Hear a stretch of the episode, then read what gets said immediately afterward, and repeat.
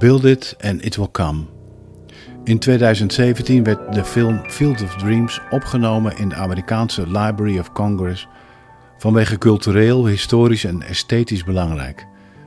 Wonderlijk voor een film die een geheel verzonnen verhaal vertelt. Ondanks dat het een goed en verzonnen verhaal is, is het ook een verhaal dat universeel is. En niet alleen voor Amerika.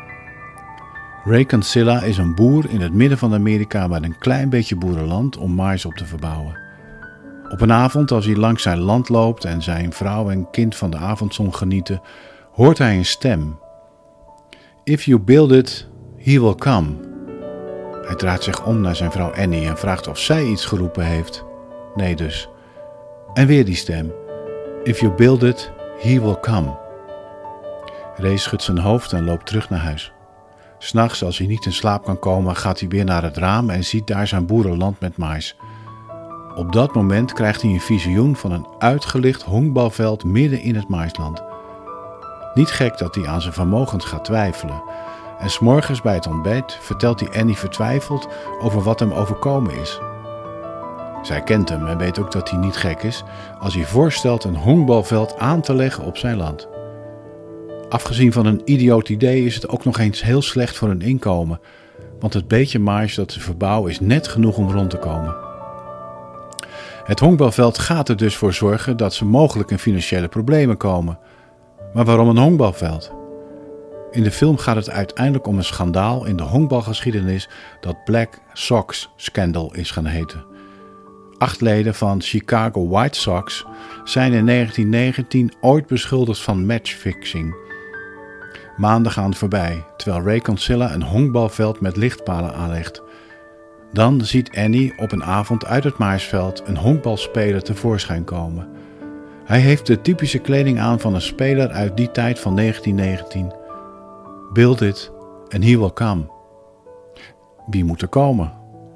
Ray en Annie zien dat er dan nog meer spelers s'avonds komen om te spelen.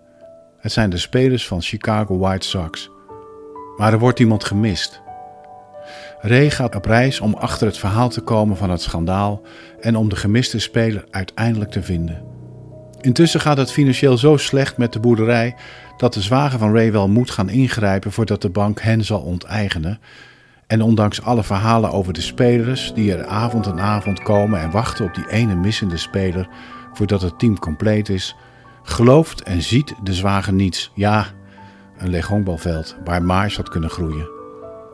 De apotheose van de film is als Archibald Moonlight Graham op een avond arriveert. Dan ziet ook de zwager het mirakel. Het team is compleet. Er kan gespeeld worden.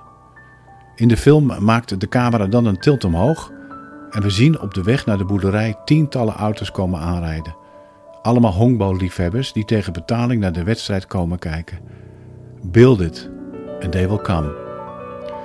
Build it and they will is een gevleugelde uitspraak geworden door dit moderne sprookje, waar geloof in een absurd idee het wint samen met uithoudingsvermogen.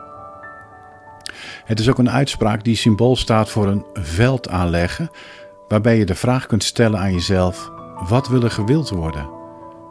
Door een plek te maken, soms zelfs fysiek, maar in veel gevallen mentaal. Door je af te stemmen op dat wat je te doen hebt in je leven. Bouw het en het zal gebeuren. Het is een uitspraak waarbij je niet alleen het geloof hebt dat er iets zal gebeuren, maar waarbij je je ook committeert om die plek te gaan maken. Dat betekent dat je je voorbereidt op wat kan en zal gebeuren. Build it and it will come.